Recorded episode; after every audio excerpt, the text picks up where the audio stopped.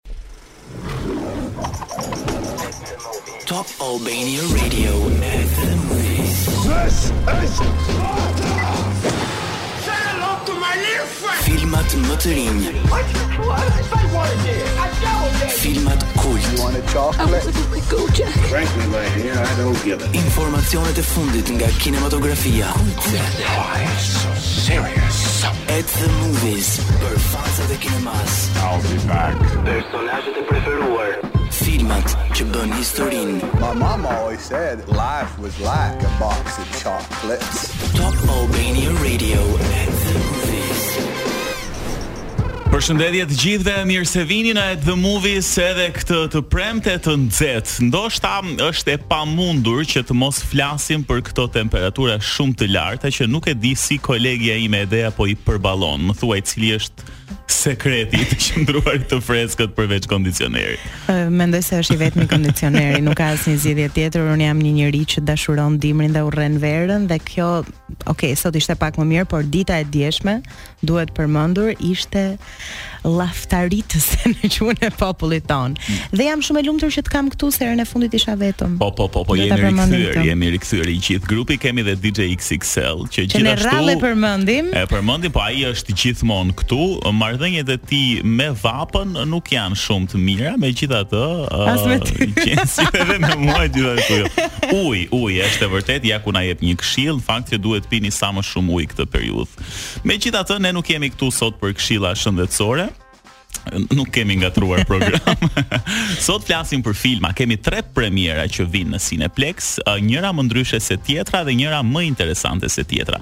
Ndërsa në pjesën e dytë të programit mm, do, do të flasim, flasim për diçka interesante. Okej. Okay. S'e zbulove? Mos e zbulojmë? Mm, Po e zbulojmë pak se do flasim pak për Jake Gyllenhaal, mm -hmm. që është një mhm. nga aktorët më të mirë, ne kryesisht zgjedhim një aktor të flasim për filmat e tij, normalisht Edi zgjedh filmat që atij i kanë pëlqyer më shumë dhe unë bëj ato për zgjedhjet e po. mia, po. por kësaj radhe jam e sigurt që filmat e mi do jenë më të mirë se të tutë. Unë u frymzova sepse uh, një film i ri i Jake Gyllenhaal uh, ka pak kohë që është publikuar, The Covenant, një film nga Guy Ritchie, flet për luftën në Afganistan dhe ishte një performancë shumë e mirë dhe unë thashë përse jo që t'i njohim dëgjuesit tanë edhe me filma të tjerë të Jake, të cilët janë shumë të mirë dhe në fakt është një ndër aktorët e mi të preferuar gjithashtu.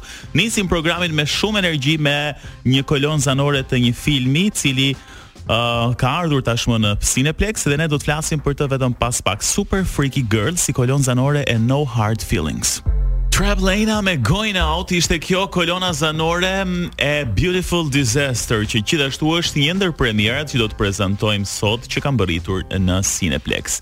Megjithatë, pa shkuar tek subjekti i filmit dhe për t'ju zbuluar diçka më tepër, ndjekim pak trailerin e No Hard Feelings. Hi. Mind if I touch your wiener? What? Your dog. Çfarë do të bënit nëse do të ishit një taksist pa makinë? I'm an Uber driver and I don't have a Car. I'm gonna lose my house. You think I chose this? Po nëse do të kishit një fëmijë që nuk del nga guacka? Come on, you're getting out of here. You don't belong here. Mos humbisni Comedy Night gjatë filmit No Hard Feelings në Cineplexx TEG dhe QTU. Një shofere taksie, e cila për momentin ka ngelur pa mjetin e saj të punës, është e dëshpëruar për para le të themi dhe është e gatshme të bëjë çdo gjë për të fituar disa të holla. Ndërkohë, një adoleshent që është shumë i mbyllur në vetvete dhe është pakaz i turpshëm, ka filluar të shqetësojë prindërit e tij sepse ata mendojnë se nëse djali vazhdon të jetë kështu i ndrydhur, nuk do të korri sukses me femrat në të ardhmen. Dhe për ta zgjidhur këtë problem, ata punësojnë taksisten e papunë për të patur një marrëdhënie me djalin e tyre adoleshent. Dhe kjo është Jennifer Lawrence, e cila mm, është e jashtëzakonshme në këtë rol, të paktën nga traileri kishte disa skena shumë interesante dhe në fakt që na rikthyen um, atë po themi llojin e filmave të vitit 2003, 2000 deri në 2010, diçka kështu edhe edhe stili American Pie. Andrew Feldman është gjithashtu pjesë e kastit, Laura Benanti dhe të tjerë, ndërsa IMDb e ka vlerësuar me 6.9, që për një film që është edhe i zhanrit komedi. Komedi romancë është mjaft mirë si vlerësim nga kritikët. Është e vërtet, kështu që um, premton shumë edhe sidomos uh, nga sa po shikoja te kritikat dhe tek lajmet, Jennifer Lawrence ka bërë një paraqitje të shkëlqyer në këtë film. Shkojmë tani tek një atmosferë krejt tjetër dhe një tek uh, një zhanër krejt tjetër që është aksion dhe kush më mirë se sa Gerard Butler mund ta bëjë këtë. Ndjekim pak trailerin e Kandahar.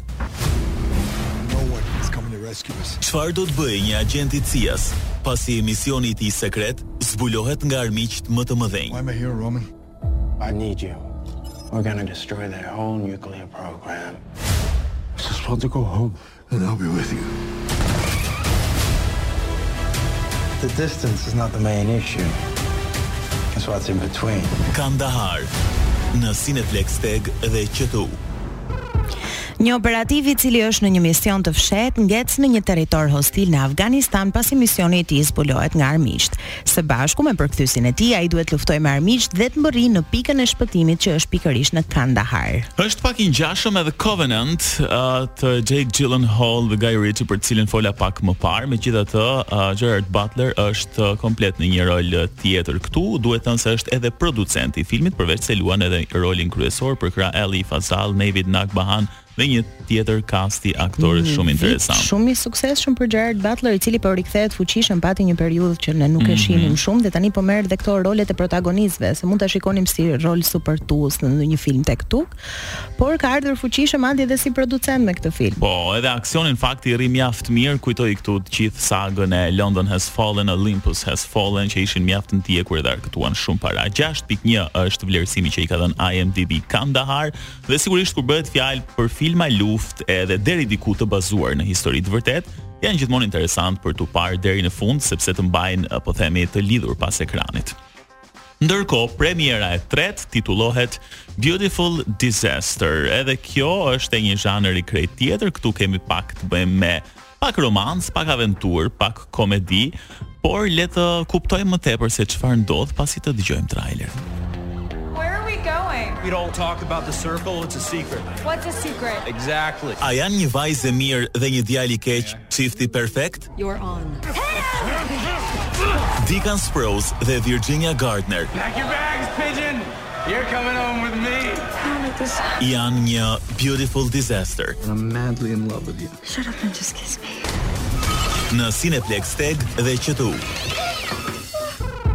Nëse ju ka shkuar ndërmend për një romancë që do ju bëjë të dilni nga kinemaja me flutra në stomak, Beautiful Disaster është e duhura. Abby është një studente në vit të parë universitet, e cila po përpiqet të distancohet nga një e kaluar e errët, le të themi, por nuk do e dim akoma a do t'i rezistojë ajo tërheqjes ndaj djalit të keq Travis. Është ajo lidhja tipike, vajza e mirë, djali i keq, nuk e dim në letër duket shumë funksionale, në realitet pak Më e vështirë. Sa doja ta thoja që mbase pasi të shikojmë këtë film do të kuptojmë nëse është e vërtetë kjo teoria që shpesh herë vajzat tërhiqen nga këto bad guys apo djemtë e këqinj dhe të fortë. Se sa e vërtetë është kjo dhe se sa afatgjatë është kjo gjë do ta kuptoni pasi të shikoni Beautiful Disaster që edhe në dhe në titull të lë pak të dyshosh. që gjërat nuk do shkojnë mirë. Po, që mund të jetë një gjë shumë e bukur, okay. por mund të shndërrohet në një katastrofë.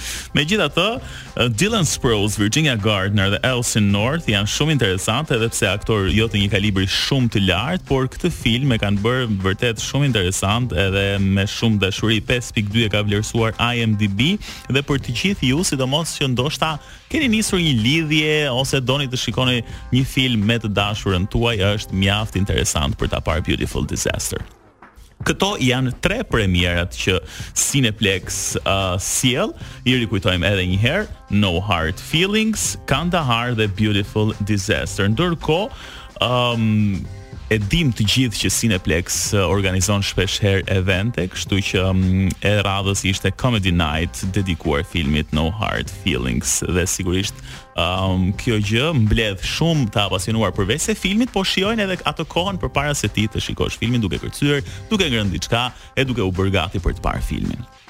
Tani do të jemi me një tjetër kolonë zanore dhe është një këngë shumë interesante në fakt që vjen nga The Cure, edhe bëhet fjalë për një kolonë zanore të një filmi uh, të Jake Gyllenhaal që e ka përzgjedhur Edea Love and Other Drugs, që është një film shumë i bukur dhe ka shumë shprehje në këtë film dhe titullohet Just like heaven. Veç se kemi premiera filmash në program herë pas here kemi edhe premiera këngësh one of the girls titullohej kënga që sapo dëgjuam që vjen nga The Weeknd, Jennie dhe Lily Rose Depp dhe në fakt është një prej këngëve të një seriali i cili është në qendrën e vëmendjes momentalisht i titulluar the idol Dhe sa do e thoja ndoshta ndonjëherë, këto premierat na vijnë pak më para se episodi, sepse episodi 4 ende nuk ka dalë. Ndërkohë kënga ka vetëm 8 orë që është publikuar dhe pritet edhe seria e 4. Në fakt, The Idol, unë e kam dëgjuar dhe kam lexuar pak për të në rrjet, di që dy um, episodet e para u dha në festivalin e Kanës,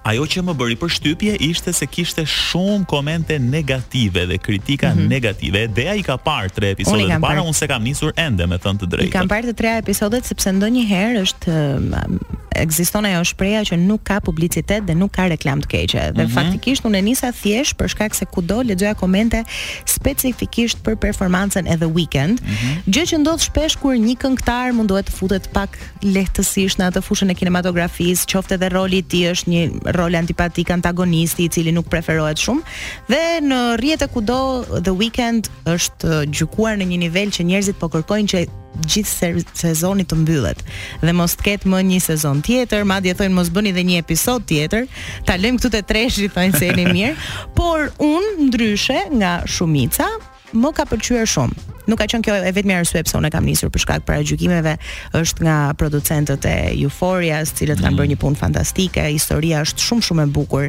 Interpretimi i Lily Rose Depp është fantastik, pa çka se ndonjëherë kur je një fëmijë nepotizmi do gjykohesh më së shumti në krahasim me të tjerët të cilët vijnë nga një familje jo aq e famshme sa Lily Rose Depp, por mua më ka surprizuar shumë aktrimi i saj. Pa se normalisht kur ti e shikon fillimisht thua, ok, kjo është një vajzë shumë simpatike dhe pjesa e familjes ja ka shtruar atë rrugën ndoshta për ta pasur pak më të lehtë, por që në skenën e parë të episodit të parë të sezonit të parë, mm -hmm. ti shikon se si ajo është e aftë të kalojë në 5 a 6 emocione të ndryshme në time spanin pra në kohën e 3 sekondave, gjë që është mahnitëse dhe tregon shumë aftësi.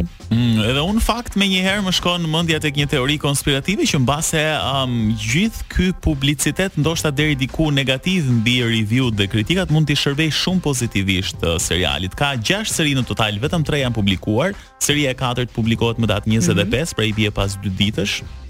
dhe ende nuk kanë një informacion nëse do të ketë një rinovim apo diçka dhe kam përshtypjen që ëm um, pasi të publikohen të gjashtë seri do të ketë po themi edhe një opinion më të qartë mbi serialin se mbase gjatë rrugës edhe ata që e kanë parë me dyshim mund të ndryshojnë mendje. Që mos ju duket dëgjuesve tanë sikur po flasim për diçka në ajër, t'jua themi edhe pak se për çfarë flet The Idol, The Idol po. ndjek historinë e një vajze e cila është një pop star, ka qenë një pop star që kur ka qenë 11 vjeç dhe le të themi gjithë jetën e saj ja ka dedikuar kësaj jete.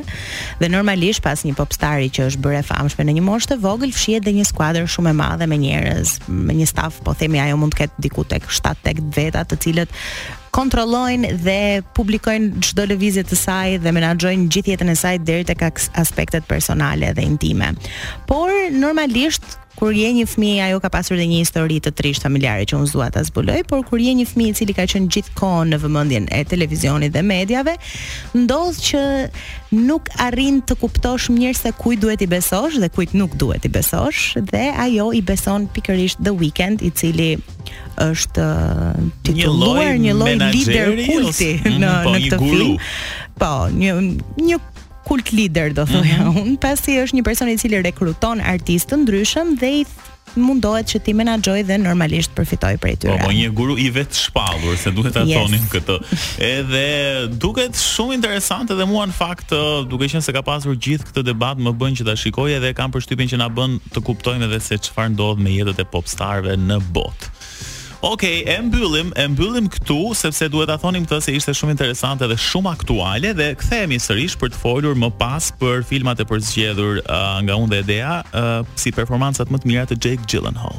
Rikthehemi në program dhe tani do të kemi një listë me filmat më të mirë të aktorit Jake Gyllenhaal. Um, në fakt teksa po diskutonim me Edean, zbuluam që shumë filma të tij i kishim parë. Tani um, janë preferencat tona, po themi se mund të ketë sigurisht edhe më të mira se sa nga këto që kemi përzgjedhur ne, ama neve na kanë pëlqyer shumë këto performanca të tij në këto filma, që do ta nisim me të parin që e ka përzgjedhur Edea. Dhe po flasim pikërisht për filmin Prisoners, është një nga filmat më të mirë të të gjitha kohërave dhe na përball me pyetjen çfarë do të bënim për të mbrojtur fëmijët tanë. Në këtë film luan Jake Gyllenhaal, i cili është një detektiv, Dhe le të themi investohet aq shumë në humbjen e dy vajzave Ana dhe Joy, të cilat mm -hmm. rrëmbehen në një mënyrë të frikshme në momentin e vetëm që nuk janë në superviz, supervizimin e prindërve të tyre dhe na bën normalisht ta pyesim veten, "Hey, a duhet ta lëm dhe fëmijën tonë të shkojë 2 minuta qoftë edhe poshtë pallatit për të blerë diçka, mbasi shikon Prisoners bëhesh një person Paranojak. Paranojak në një nivel tjetër dhe fundi normalisht ka një plot twist, ka një një ndryshim në fund të skenave që ju do të ngelni pa fjalë dhe unë e sugjeroj shumë.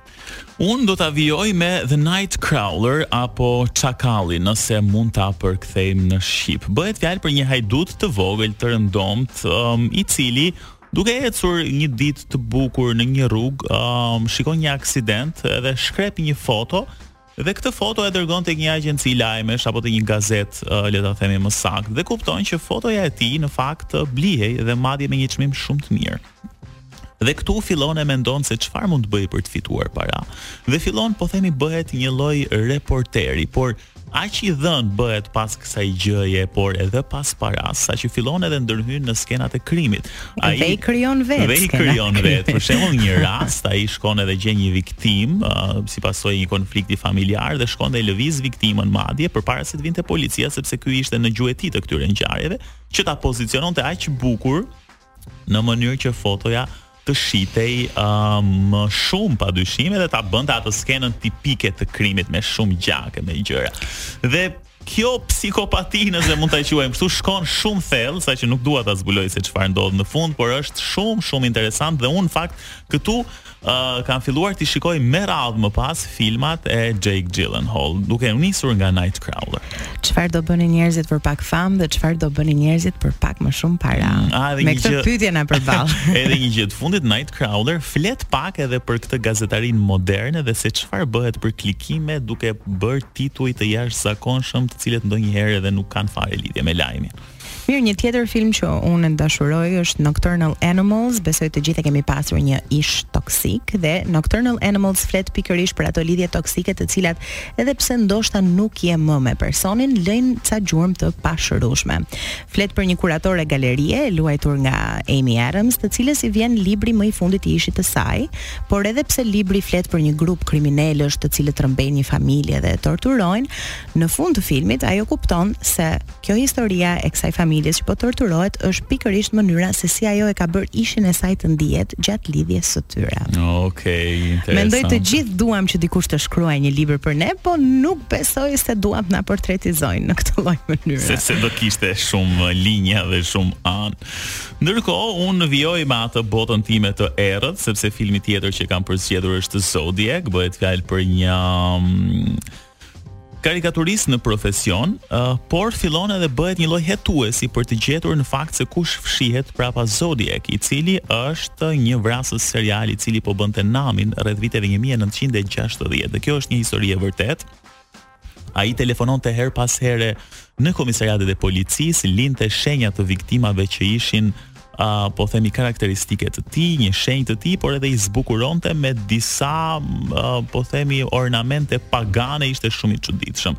Dhe në fakt uh, pikërisht Robert Graysmith, që është personazhi që luhet nga Jake Gyllenhaal, Obsesionohet me të është një zgjidhës shumë i mirë i problematikave në matematikë dhe në fakt ka lidhje edhe pak me matematikën kjo gjë dhe mundohet që të shkojë tek gjurmët e vrasësit serial. Në fakt kjo është një histori e vërtetë dhe është një ndër çështjet më të pazgjidhura në Shtetet e Bashkuara prej viteve 1960. Dosja është e hapur ende, nuk dihet se kush fshihet pas Zodiac, ndërsa Numri i viktimave mendohet se është diku tek tridhjetë e shtatë vrasje dhe çështja është ende e hapur për drejtësinë nga FBI sot e kësaj dite. Qënke shumë i errët sot Edi. Shumë i errët edhe më, janë dy performanca që mua më pëlqejnë shumë tek këto filma të Jake. Do ta zbus pak me pak romanc. Mendoj. Oh, edhe ky, edhe ky më pëlqen shumë. Okej, okay, një film tjetër që unë rekomandoj shumë dhe është romanc dhe shumë i bukur është Love and Other Drugs ku Anne Hathaway dhe Jake Gyllenhaal provuan për të gjithë ne që janë çifti më i bukur dhe më i dashur oh. në ekran me një kimi fantastike, qoftë fizike, qoftë emocionale. Nuk mund ta harroj skenën Hi, uh, Lisa, edhe i thotë kjo nuk e ka emrin Lisa, i thotë okay, po nëse unë do t'i thërras Lisa çdo ditë. Ajo do bëhet kurioze do pyesë kush ishte Lisa dhe ky paska pasur një femër të ngjashme me mua. Do, ajo do mendoj se ai ka pasur një femër të po. ngjashme. Po. Edhe unë është është perlë, kjo duhet ta shikoni këtë film se është shumë i bukur. Nuk kemi kohë, po ne kemi për unë kam përzgjedhur dhe Everest në fakt që flet për dy grupe që ngjitën Everestin, po fatkeqësisht shumë prej personave ndruan jetë për shkak të problematikave. Ndërkohë janë edhe shumë filma të tjerë të Jake, uh, shumë të suksesshëm, jo domosdoshmërisht këto janë më të mirët, po janë filma shumë interesante. Ne kemi mbërritur në fund të programit për sot me gjithë premierat um, dhe me gjithë filmat e Jake, ndërsa ne duhet uh, të shpallim në fakt edhe fituesin e kuicit të javës që po lëmë pas. Dhe uh, ishte shprehja I don't want to forget, I am sorry Dory, but I do.